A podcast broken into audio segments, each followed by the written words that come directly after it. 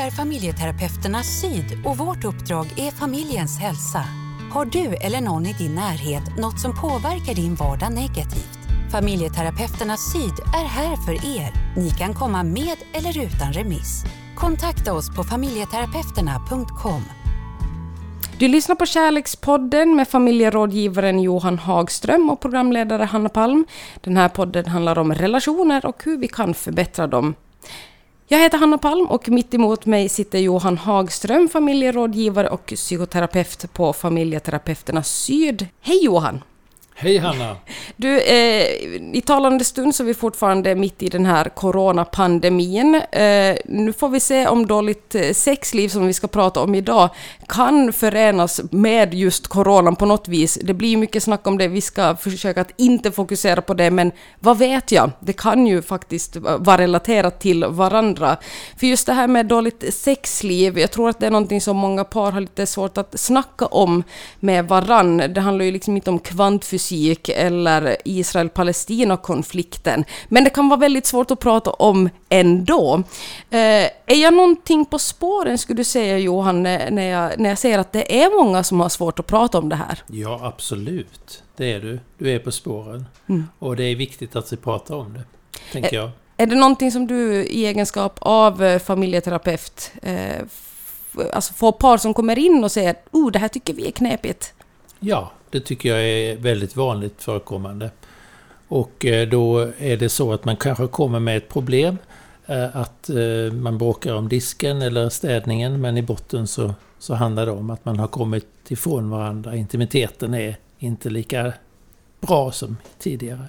Mm. Vi har väl ändå kommit ganska långt i Sverige och i Norden när det kommer om den, liksom, till den här sexuella frigörelsen som man pratar om på 60-70-talet, så kom vi ju över något slags eh, hinder när det kommer till att prata om det här. Men det är fortfarande väldigt känsligt. Varför tror du, Johan, att det är många som tycker att det, uh, att det är jättejobbigt att prata om intima ämnen? Man öppnar ju upp sig väldigt mycket om man börjar prata om sitt sexualliv och eh, de, de behov och begär som också finns med det. Man, man blottlägger någonting som är känsligt. Så jag tänker nog eh, att det ska få vara känsligt. Men det är viktigt att eh, man ändå söker hjälp om man känner att man behöver en utomstående part. Om inte man kan lösa det själv tillsammans med sin partner så är det viktigt att söka hjälp. Kan det finnas någon skam i det också, att man tänker att det ligger så mycket prestige i att man ska vara en bra partner i sängen, att det kanske är därför man också kan tycka att det är jobbigt att be om hjälp, att det känns som ett, ett nederlag på något sätt? Avvisningen är alltid svår att ta. Alltså att man om inte duger eller tillräcklig eller att det är bra nog. Det är vi ju alla känsliga för att få, få, få höra eller få vara med om att bli avvisade kring. Sen är det ju så att sexualiteten den, det handlar ju också om vem jag är. Den hänger ihop med vår identitet. Och är jag inte då den som partnern tyckte från början så har jag ju då lurat eller visat upp någon sida som inte var så attraktiv. Så jag tänker mig det är många saker vi pratar om samtidigt. Mm. Det är sällan bara sex med andra ord. Det är sällan bara sexet. Mm. Det är så mycket mer. Är det här någonting vi ens måste prata om? Är det inte bara att göra helt enkelt? Ja, det är bra. Jag tror att ibland måste man ge rådet faktiskt att tänk inte för mycket. Prata inte för mycket. Det finns par som pratar sönder eller tänker sönder. Eh, och borde vara mer i handlingen, görandet. Till exempel efter en förlossning så behöver man ju tänka på att helt enkelt eh, träna upp sig igen och då får man nästan schemalägga på måndag och fredag kväll så, så gör vi det oavsett vad vi känner. Ja, det låter väldigt, det låter väldigt sexigt, schemalägga, vette tusan. Men det kanske är någonting man kan pröva på. Du lyssnar på Kärlekspodden med familjerådgivaren Johan Hagström och mig som är programledare, Hanna Palm. Den här podden handlar om relationer och hur vi kan förbättra dem. Somliga menar uh, att hur bra en sexliv, eh, det är liksom en termometer över hur bra relationen fun funkar i övrigt. Ligger det någonting i det här, Johan? Är det som en termometer? Ja, det är ju... Det kan man nog ändå tänka att man ska se det som. Eh, och då handlar det ju inte om eh, hur, eh, om man har ett aktivt sexliv eller inte, utan det är om man båda två parterna är nöjda med, med den intimitet man uppnår. Mm. Så det kan man väl säga att det är en, det är en slags termometer. Mm. Finns det, eller ja, finns det, jag kan anta att det finns mycket press i det också, om vi inte har tillräckligt mycket... Jag kan tänka mig att det är, där kommer ju pressen in igen också, att man kanske tänker att om vi inte har tillräckligt mycket intim tid med varandra så betyder det att vårt förhållande är dåligt och dödsdömt. Eh, kan man inte vara lycklig ändå utan att ha, ha ett sexliv? Jo, alltså du är inne på två saker där. Dels är det ju sexet och sen är det intimiteten. Jag tror intimiteten är svårare att vara av med än sexet. För är båda parter överens om att man inte längre vill ha en sexuell aktivitet tillsammans så är det ofta intimiteten som blir viktig. Ännu viktigare än tidigare. Men förlorar man den, då har man ju inte så mycket kvar. Då, då kan man väl säga att det är en affärsuppgörelse, att vi delar på huset och bilen. Mm. Det låter ju verkligen sexigt det också. Men du, du, det är ju intressant. Du, du pratar om att det är skillnad på intimitet och eh, skillnad på sex. Kan du berätta lite, utveckla det. Vad är det för skillnad? Ofta hänger det ihop. Eh, vi blir intima och har sex. Men om man till exempel inte idkar sexuell gemenskap men är nära och intima med varandra då, då kan man skilja det åt. Alltså det handlar ju mycket om att oftast är det sammankopplat, men i vissa lägen så är det inte det. Det kan räcka med att man ligger nära, håller om varandra, känner på varandra utan att det leder till en sexuell handling i, i, i dess bemärkelse samlaget eller att man får orgasm till exempel. Mm. Där, det kan vara njutningen så att säga. Va? Eh, jag tror, eller jag kan ha fel, men eh, just att det kanske för kvinnor kan bli ett problem eh, längre in i relationen, att man känner att det ena måste ha med det andra att göra. Att om min partner söker då intimitet, börjar kramas, pussas, så förväntar sig partnern att det ska leda till någonting mer och där kan det också bli att man tar avstånd från varandra. Tror du att det, det här är ett vanligt problem? Ja, det är ett vanligt problem och jag tror inte det längre är så renodlat kvinnligt egentligen för det finns ju män också som som presterar sex för, att, för husfridens skull.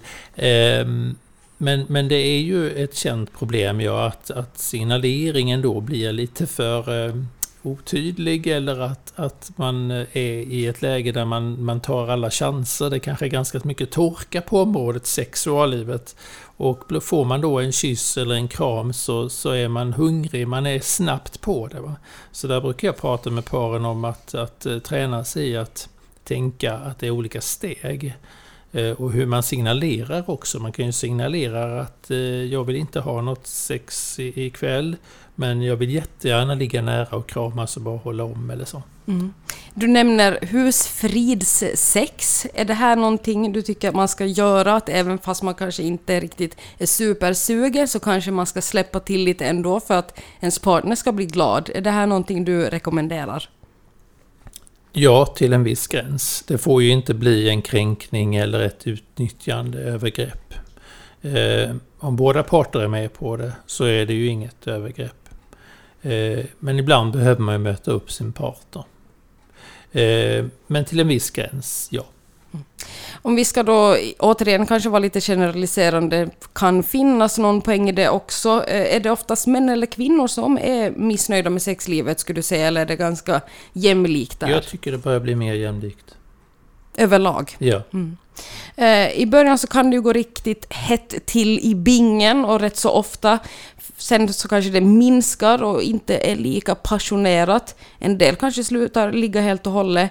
Eh, betyder det här då att det är dags att gå vidare, att gnistan har tyvärr slocknat och aldrig kan tändas igen?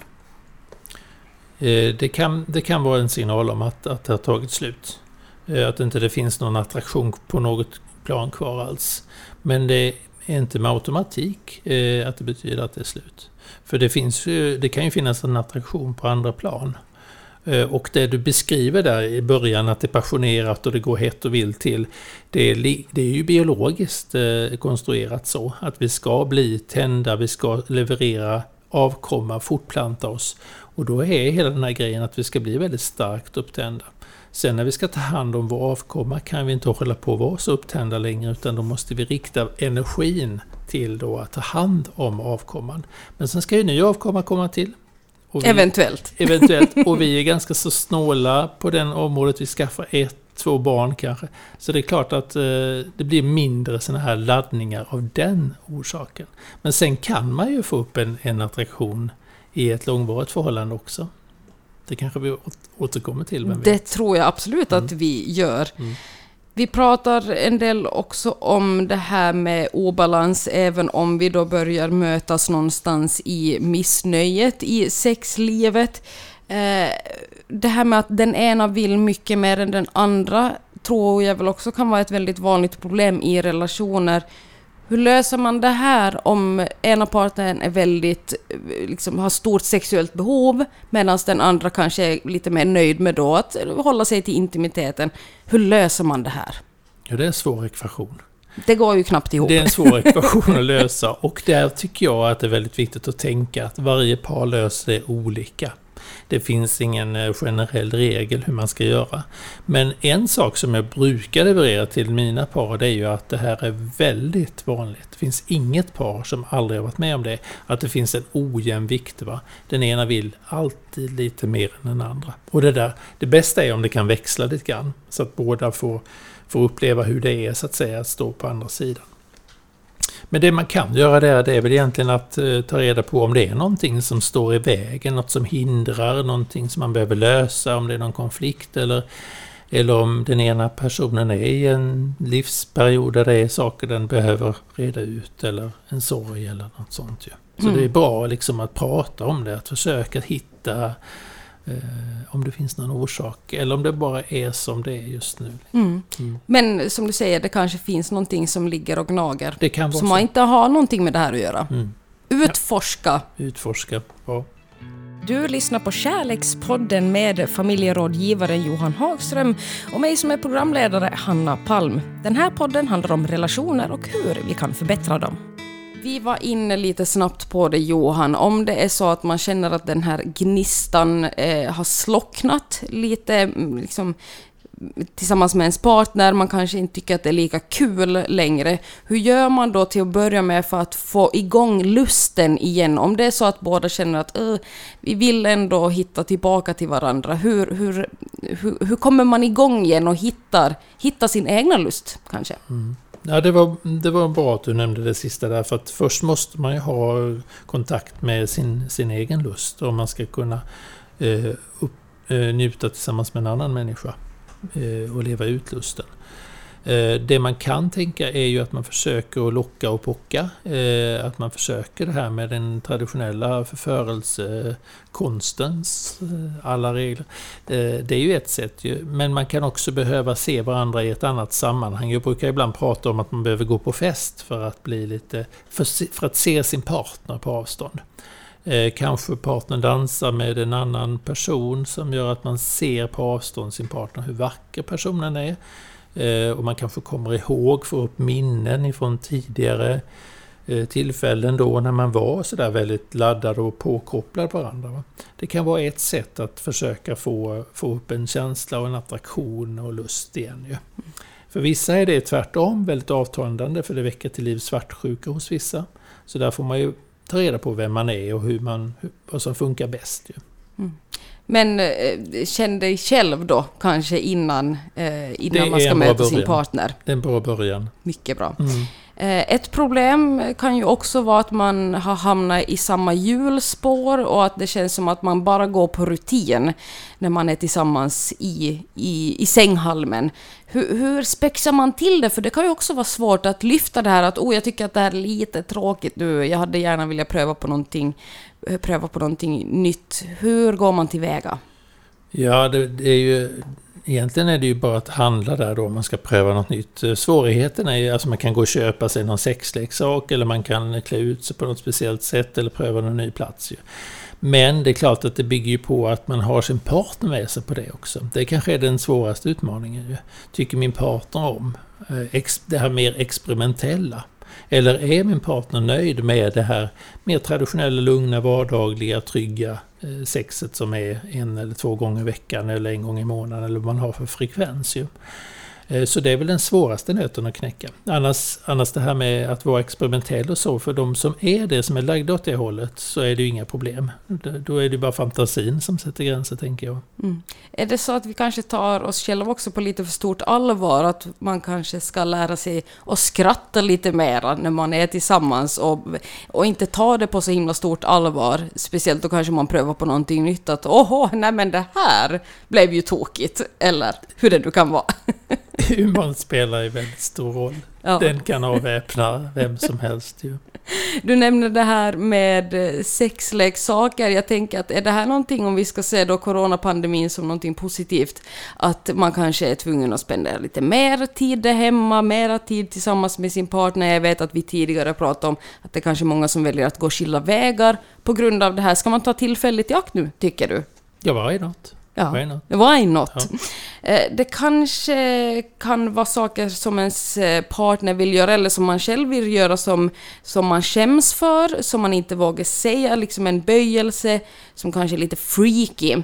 Hur, hur, tycker du att, hur ska man göra för att prata om det här utan att det ska kännas för pinsamt eller utlämnande eller att man, man ska bli utskrattad? Eh, om det är kanske någonting som inte är helt vad ska man säga, mainstream om vi ska använda ett engelskt uttryck. Uh, hur gör man för att lyfta det om man är rädd för att man ska bli dömd kanske? Mm.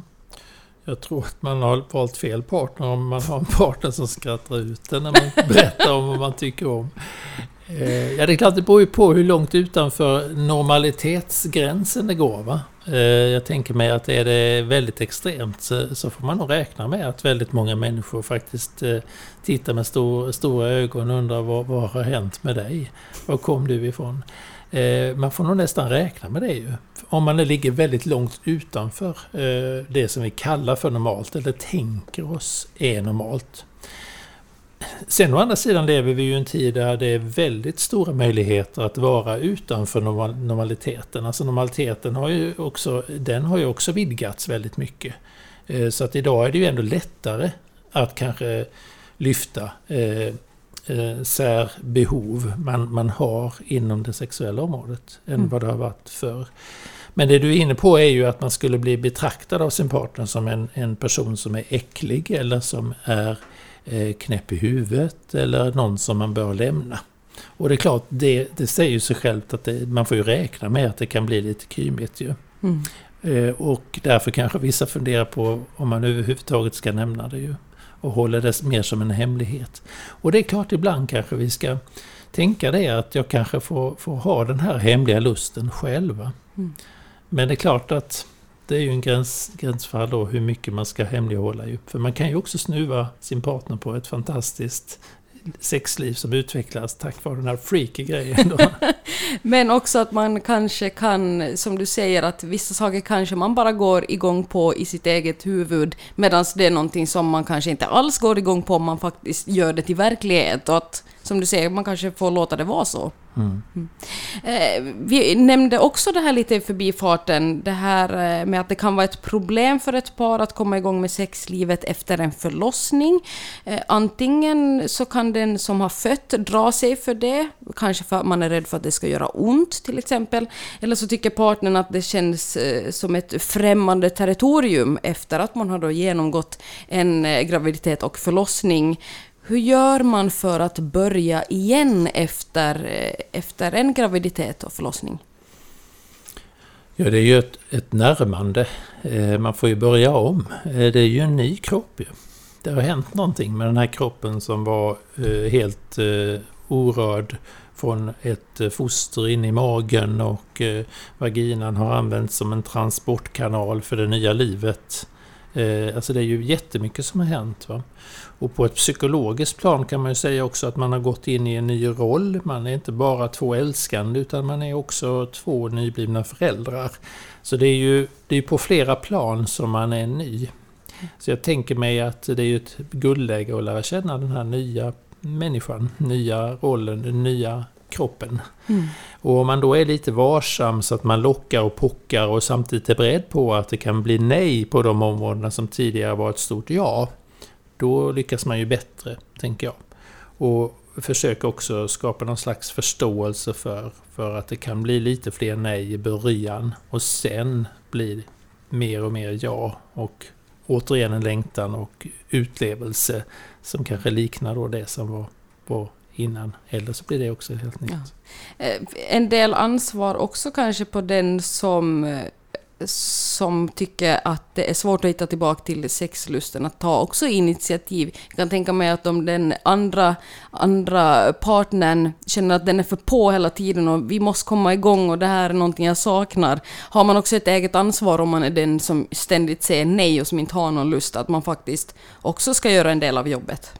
Absolut. Då ska man ta reda på vad det är som gör att man säger nej till mm. någonting som är så trevligt och attraktivt för de flesta i världen. Kan mm. vara. Mm. Eh, du, på tal om barn, hur får man till det under småbarnsåren? Kan vara svårt rent praktiskt till exempel? Absolut, och särskilt i coronatiden när vi inte får lämna bort barnen till, till vem som helst längre. Ja, alltså det är ju till att uh, tjuva till sig lite tid, ju, alltså ta tillfället i akt. Uh, och kanske inte räkna med att uh, själva stunden kan vara så länge som, som man kanske har varit van vid innan. Ju. Så kanske åka bort på någon weekend om man har någon som kan hjälpa till med barnpassningen trots att det nu är så väldigt då isolerat med corona och så. Att man, att man kanske försöker komma iväg ett dygn eller en kväll eller en natt. Eller, ja.